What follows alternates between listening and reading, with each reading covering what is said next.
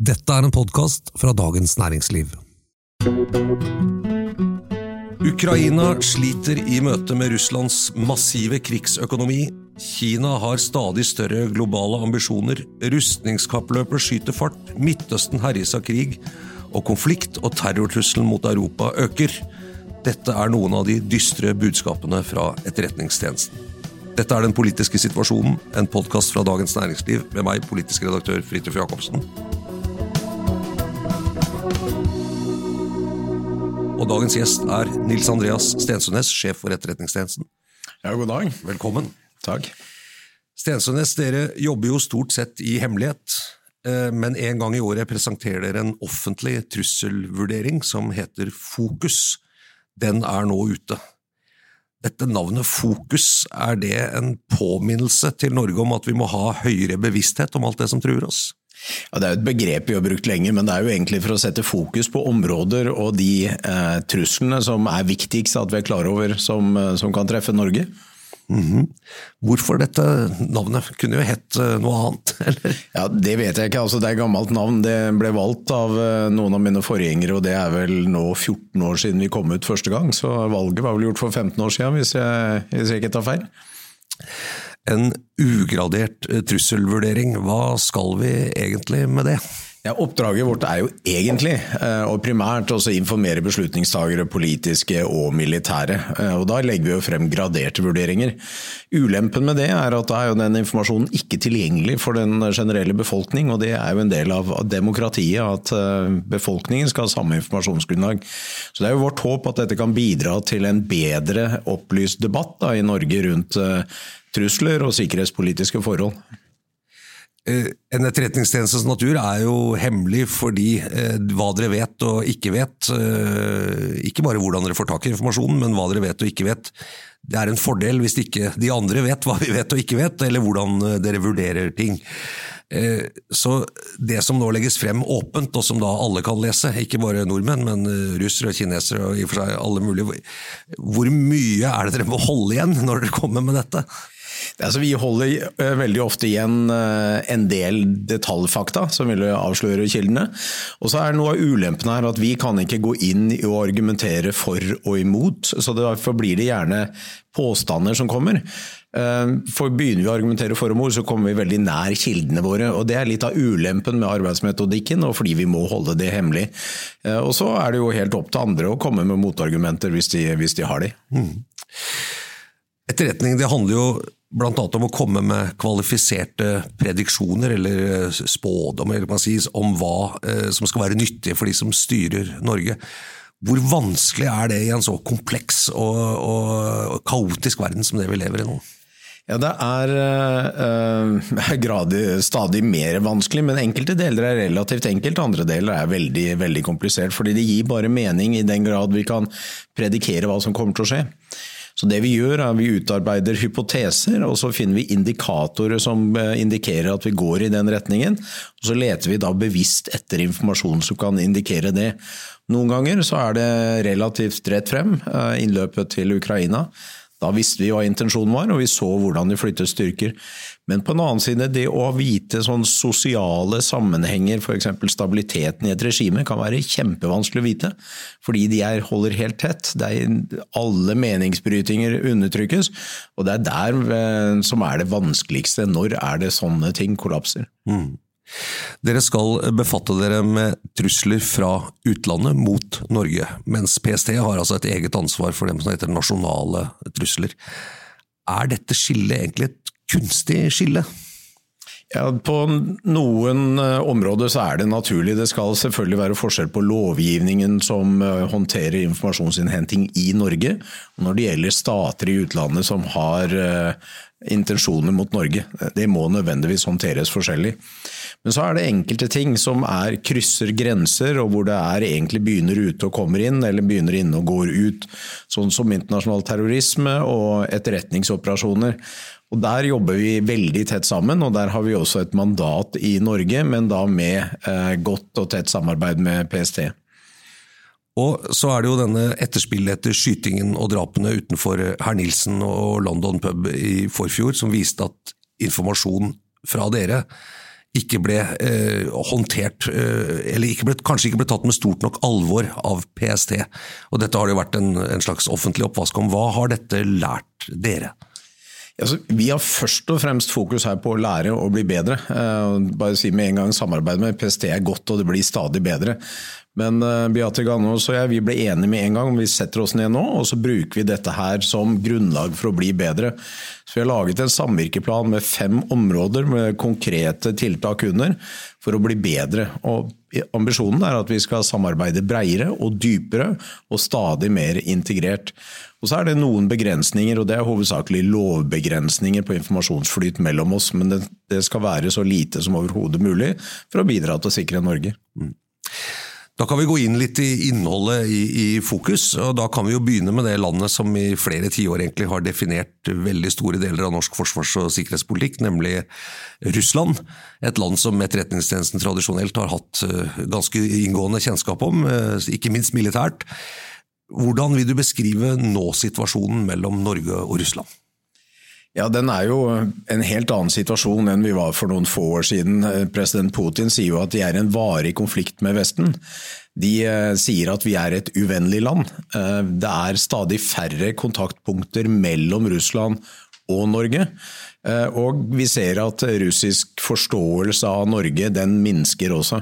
Så vi opplever egentlig et, et Russland som, eh, hvor Norge i mye mindre grad er nabo og mer en del av en uvennlig blokk, Vesten, sett fra, fra Moskva.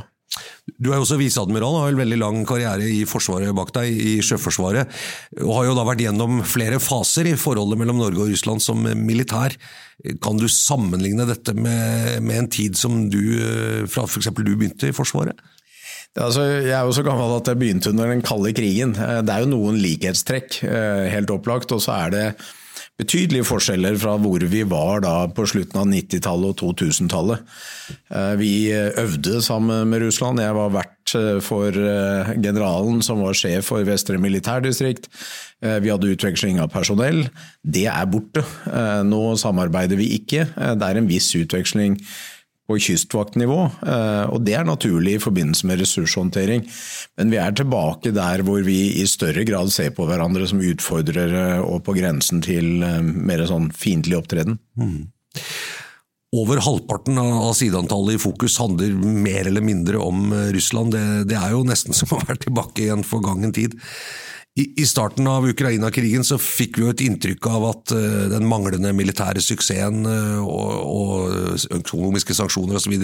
skulle vise at Russland var en stormakt helt på felgen, egentlig. Eh, var dette mer et håp enn kalde fakta, sånn som dere vurderer det i dag? Der skal vi være ærlige. Vi, vi overvurderte Russland før krigen. Vi hadde veldig god forståelse for hva de har av materiell og hvordan det yter, men jeg tror vi overvurderte deres moral og lederskapsevne. Og Det viste jo starten på krigen at det å håndtere en sånn moderne, dynamisk, rask operasjon, det behersket de ikke. Men nå har de falt tilbake til det de kan, som er en tradisjonell krigføring med bruk av massiv ild, sakte, gradvis eh, bevegelse, og det behersker de bra. Hvor står denne krigen nå militært eh, i Ukraina? Ganske fastlåst. Eh, begge parter står i veldig godt forsvarte posisjoner og forberedte posisjoner. De bruker stor mengde ild og artilleri for å prøve å nedkjempe. Det er noen små offensiver, men uten noe signifikant territoriell fremgang. Så frontene er nesten helt fastlåst. Men i tillegg så foregår det operasjoner langt bak fronten. Ukraina inn på eh, russisk okkupert territorium i Ukraina og inn i Russland for å ta ut eh, forsyninger, olje, ammunisjon eh, og forsyningslinjer for å redusere russisk eh, kampevne. Russland gjør det samme i Ukraina. Men i tillegg så går Russland etter sivil infrastruktur og sivile mål for å redusere den økonomiske eh, styrken til Ukraina, og for å redusere befolkningens vilje til å slåss. Og så er det jo, som er blitt beskrevet som en form for utmattelseskrig. Da handler det jo ganske mye både om hvor mange styrker har man, eh, litt sånn gammeldags order of battle egentlig, og selvfølgelig hvor mye klarer man å produsere av militært materiell osv. Hvordan ligger denne si, rustningskampen og forsyningskampen an mellom de to? Ja, For det første så har Russland eh, klart å håndtere sanksjonene ganske bra. Altså, de har en økning i bruttonasjonalproduktet, men det er hovedsakelig pga. at de putter veldig mye penger i våpenproduksjon. De har jo økt forsvarsbudsjettet fra i fjor til i år med 61% De har fått fart på rustningsindustrien, så de produserer mye ammunisjon, mye langtrekkende våpen og eh, kampplattformer. Riktignok pusser de opp gammelt sovjetisk materiell som de bruker, og det betyr jo at det er dårligere kvalitet og mindre presist, men, men det virker. Ukraina på sin side er dyktigere i måten de opererer på. De er mer effektive og mer presise, og de kjemper en veldig eh, grundig og skikkelig kamp. Men de er jo helt avhengig av forsyninger fra Vesten for å kunne holde dette. Og Russland får også forsyninger og hjelp fra andre stater, skriver dere? Ja, det er betydelig tilførsel av uh, våpen og ammunisjon fra uh, Nord-Korea, Belarus, Iran og forsyninger fra Kina. Riktignok ikke våpen og ferdig ammunisjon fra Kina, men en stor mengde annet materiell som reservedeler, kjøretøy og teknologi. Er dette et slags skal man si, isolert sånn rustnings- eller kappløp eh, som vi ser på begge sider av disse fastlåste frontlinjene? Ja, altså Russlands eneste måte å oppnå målet, som fortsatt er å ta fullstendig kontroll over Ukraina og, og nøytralisere deres militære evne, det er jo å bygge opp eh, i volum. Eh, og det er klart, eh, vi, eh, Ukraina er avhengig av at de får støtte med ammunisjon, luftvern og andre ting, pluss også eh, materiell som kan hjelpe dem på baksiden av fronten. Og politisk, eh, denne krigen koster jo veldig mange russiske liv, og mange, enda flere blir jo såret og, skadd. Eh, det er snakk om flere hundre tusen russere. Hvor, eh, hva ser dere av den støtten rundt krigføringen og kostnadene ved det i det russiske samfunnet? Ja, Det er overraskende lite. Russiske myndigheter har veldig god kontroll. Det er en kraftig politisk undertrykkelse, det er en overvåkning og det er en kraftig propaganda alle opposisjonspolitikere er eh, enten satt i fengsel eller ellers eh, nøytralisert. Det finnes ikke noe fri presse. Eh, gradvis sensur på alt som kommer utenfra og inn. Og så I tillegg så har det, den store rekrutteringen av soldater ennå ikke truffet maktsentrene i St. Petersburg og Moskva. Sånn at effekten på den russiske politikken er liten. Eh, og så er det sånn at Elitene rundt Putin er lojale, de deler grunnsynet, og de er i liten grad villige til å, å komme med uenigheter eller utfordre Putin. Det er det praktisk ikke rom for. Man skulle jo tro at kostnadene for Russland, både ved dette overfallet og selve krigføringen, en isolasjon fra Vesten eh, Vi kjøper ikke lenger russisk gass, som jo var en stor eksportinntekt for dem eh, til Tyskland og andre europeiske stater. De er utestengt fra masse markeder, det er reiseforbud, det er sanksjoner osv. At det eh, ville ha en ganske sånn stor effekt inn i samfunnet, men ser vi det egentlig så mye?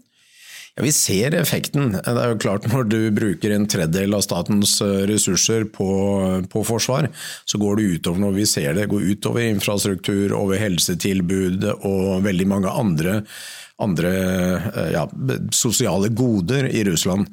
Inntektene går ned, eh, men de har lykkes godt med å omgå en del av sanksjonene. Vi ser de eksporterer olje til nasjoner som ikke deltar i sanksjonsregimet. De klarer å eksportere en del av gassen andre steder. Så de har lykkes relativt bra med å komme rundt uh, sanksjonene. Men det er nå en nærmest full krigsøkonomi i Russland. Å komme tilbake til en normal eh, økonomi etterpå, det kommer til å bli svært krevende for dem. Mm.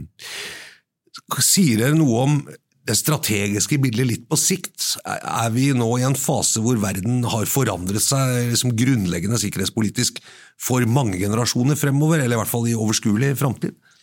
Ja, I hvert fall hvis vi går og ser det på litt sikt. La oss gå 10-15 år tilbake hvor det var en unipolar eh, verdensorden, dvs. Si vestlig dominert, og alle hadde tro på at nå har demokratiene vunnet. Nå blir det fred og demokrati. Det vi ser nå er at autoritære stater går stadig mer sammen om å utfordre den vestlig dominerte verdensorden. Eh, og få en verdensorden som ikke er dominert av liberale verdier som eh, ytringsfrihet og demokrati. Og Det er nok en trend som eh, vil fortsette over tid. Ja, Så, så den Ukraina-krigen blir på en måte en, slags sånn polariserende element, hvor du må velge den ene eller andre siden? eller? Den har i hvert fall tydeliggjort den bevegelsen, og det var, det var, synlig i Russland lenge før. og Jeg tror nok det var eh, noe vi ikke oppfattet når Putin sa at den største geopolitiske katastrofen i det 20. århundre var oppløsningen av Sovjetunionen i 2005. Vi hørte talen hans i München i 2007, hvor han eh, anklaget Vesten for å utnytte Russlands svakhet.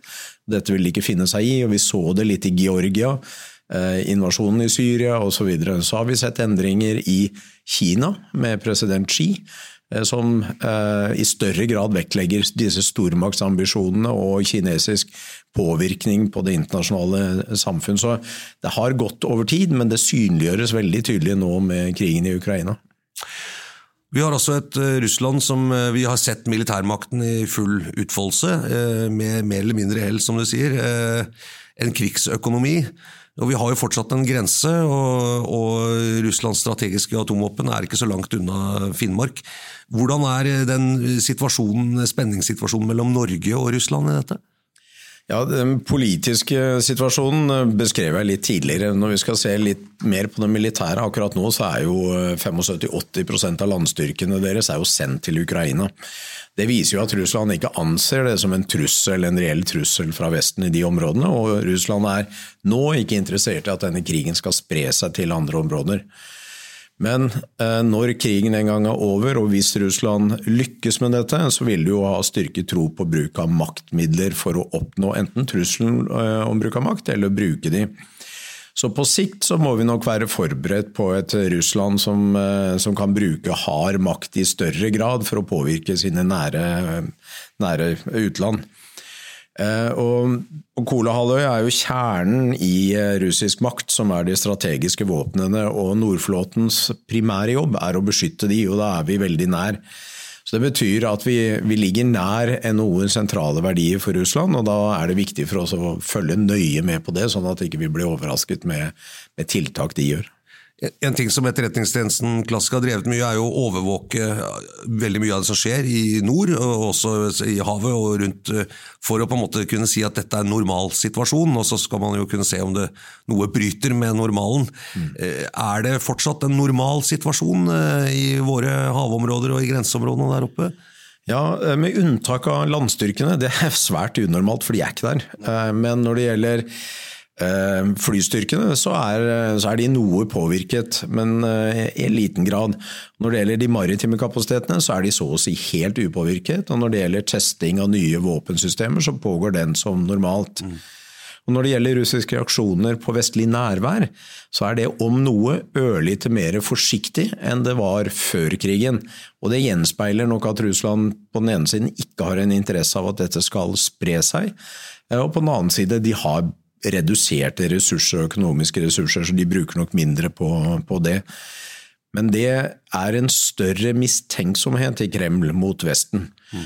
Så det er en større usikkerhet for hvis, hva som kan skje hvis de oppfatter dette som en trussel.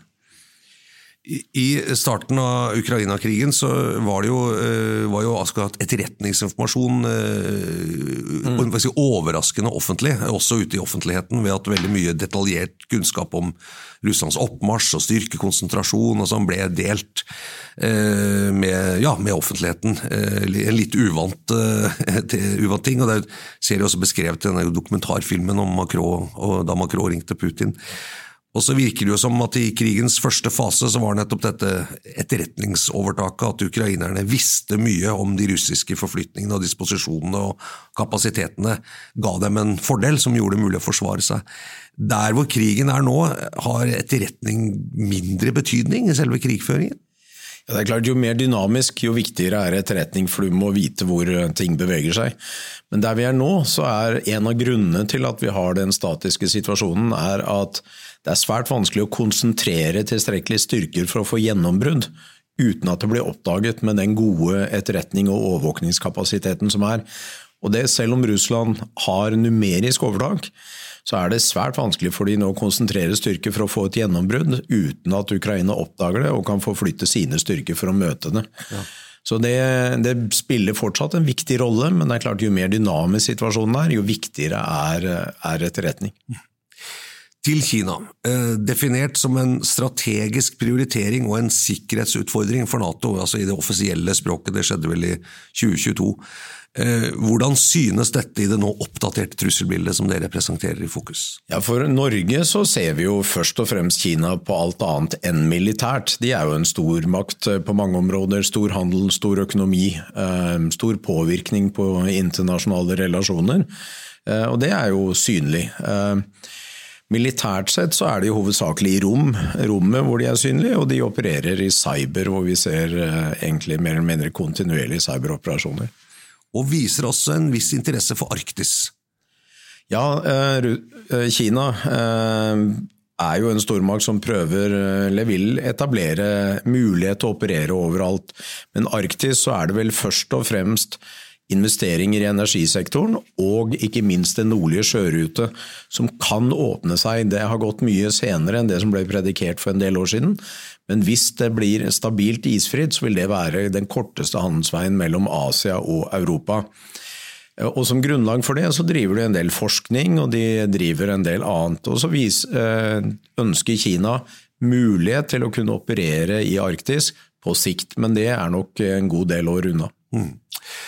Taiwan eh, ble jo løftet fram, eh, jeg tror det var i hvert fall eh, i fjor, som det store hotspotet, og der hvor en stor krig mellom USA og Kina kunne ha sitt utspring. Hvordan er krigsfaren rundt Taiwan i dag? Nei, det, Kinas ambisjon er jo fortsatt en fredelig gjenforening. og Det er jo helt klart deres mål å, å gjenforene Taiwan med modig Kina. Eh, president Xi har fremskyndet målet for når det eh, kinesiske forsvaret skal være klar til å gjennomføre en operasjon til 2027. Og De er jo overbevist om at trusselen om bruk av militærmakt er viktig for å få Taiwan til å fredelig gå med på en gjenforening. Mm. Men ambisjonen er å være klar fra 2027. Men valget i Taiwan viste vel at de lot seg ikke skremme så lett, for de valgte jo det partiet som tradisjonelt har stått lengst fra en gjenforening med Kina. Ja. ja. Eh, og så er det for tidlig å si hvordan det vil spille seg ut. Eh, om det betyr at Russland, nei, Kina vil legge enda større press på, på Taiwan, eller om de velger en annen linje, det, det er for tidlig å si. Påvirker den Kines, Kinas nye globale ambisjoner eh, trusselbildet i Norge direkte? Nei, ikke direkte. Vi ser jo Kina da på handel osv. De viser spesielle interesse for infrastruktur, både fysisk og digitalt. Og det er vel eh, det å unngå at vi havner i situasjoner hvor vi er avhengig, eh, er vel kanskje det viktigste vi gjør, for da kan det brukes som pressmiddel senere. Mm. Men det er klart, hvis Kinas bidrag til Russlands krigføring eh, kan jo ha betydning på sikt, for hvis Russland lykkes i Ukraina, så er situasjonen noe helt annet enn hvis de ikke lykkes. Hvis Kinas på en måte, støtte var en avgjørende innsatsfaktor der for at de lykkes, ja, så har det jo indirekte påvirket. Ja. Ja. Rustningskappløpet skyter fart, skriver dere også. Eh, og krigen i Ukraina har vi jo snakket om, det er en voldsom eh, full fart i våpenindustrien på, mm. på begge sider. Eh, men er det dette dere sikter til, eller et annet rustningskappløp? Nei, Det er flere. Eh, det er, det er, det men vi ser jo også uh, den enorme oppbyggingen av den kinesiske militærmakten. Vi ser Kinas oppbygging av strategiske atomvåpen, hvor målet er å ha paritet med USA og Russland i 2040. Så de har jo forlatt denne minimumsavskrekningsambisjonen og går mot en mer tradisjonell, eller på lik linje som USA og Russland. Ehm, og vi ser eh, egentlig utfordringen utfordringer med uroen i Midtøsten, som også kan medføre behov for, for opprustning, dessverre. Og der forlater vi etterretningssjef eh, Nils Andreas Stensønes. Intervjuet ble gjort oppe i Etterretningstjenestens lokaler på Lutvann. Dette har vært den politiske situasjonen. Mitt navn er Fridtjof Jacobsen. Jeg er politisk redaktør i Dagens Næringsliv. Produsent for vår podkast heter Gunnar Bløndal. Og vi er tilbake neste uke. Takk for at du hører på.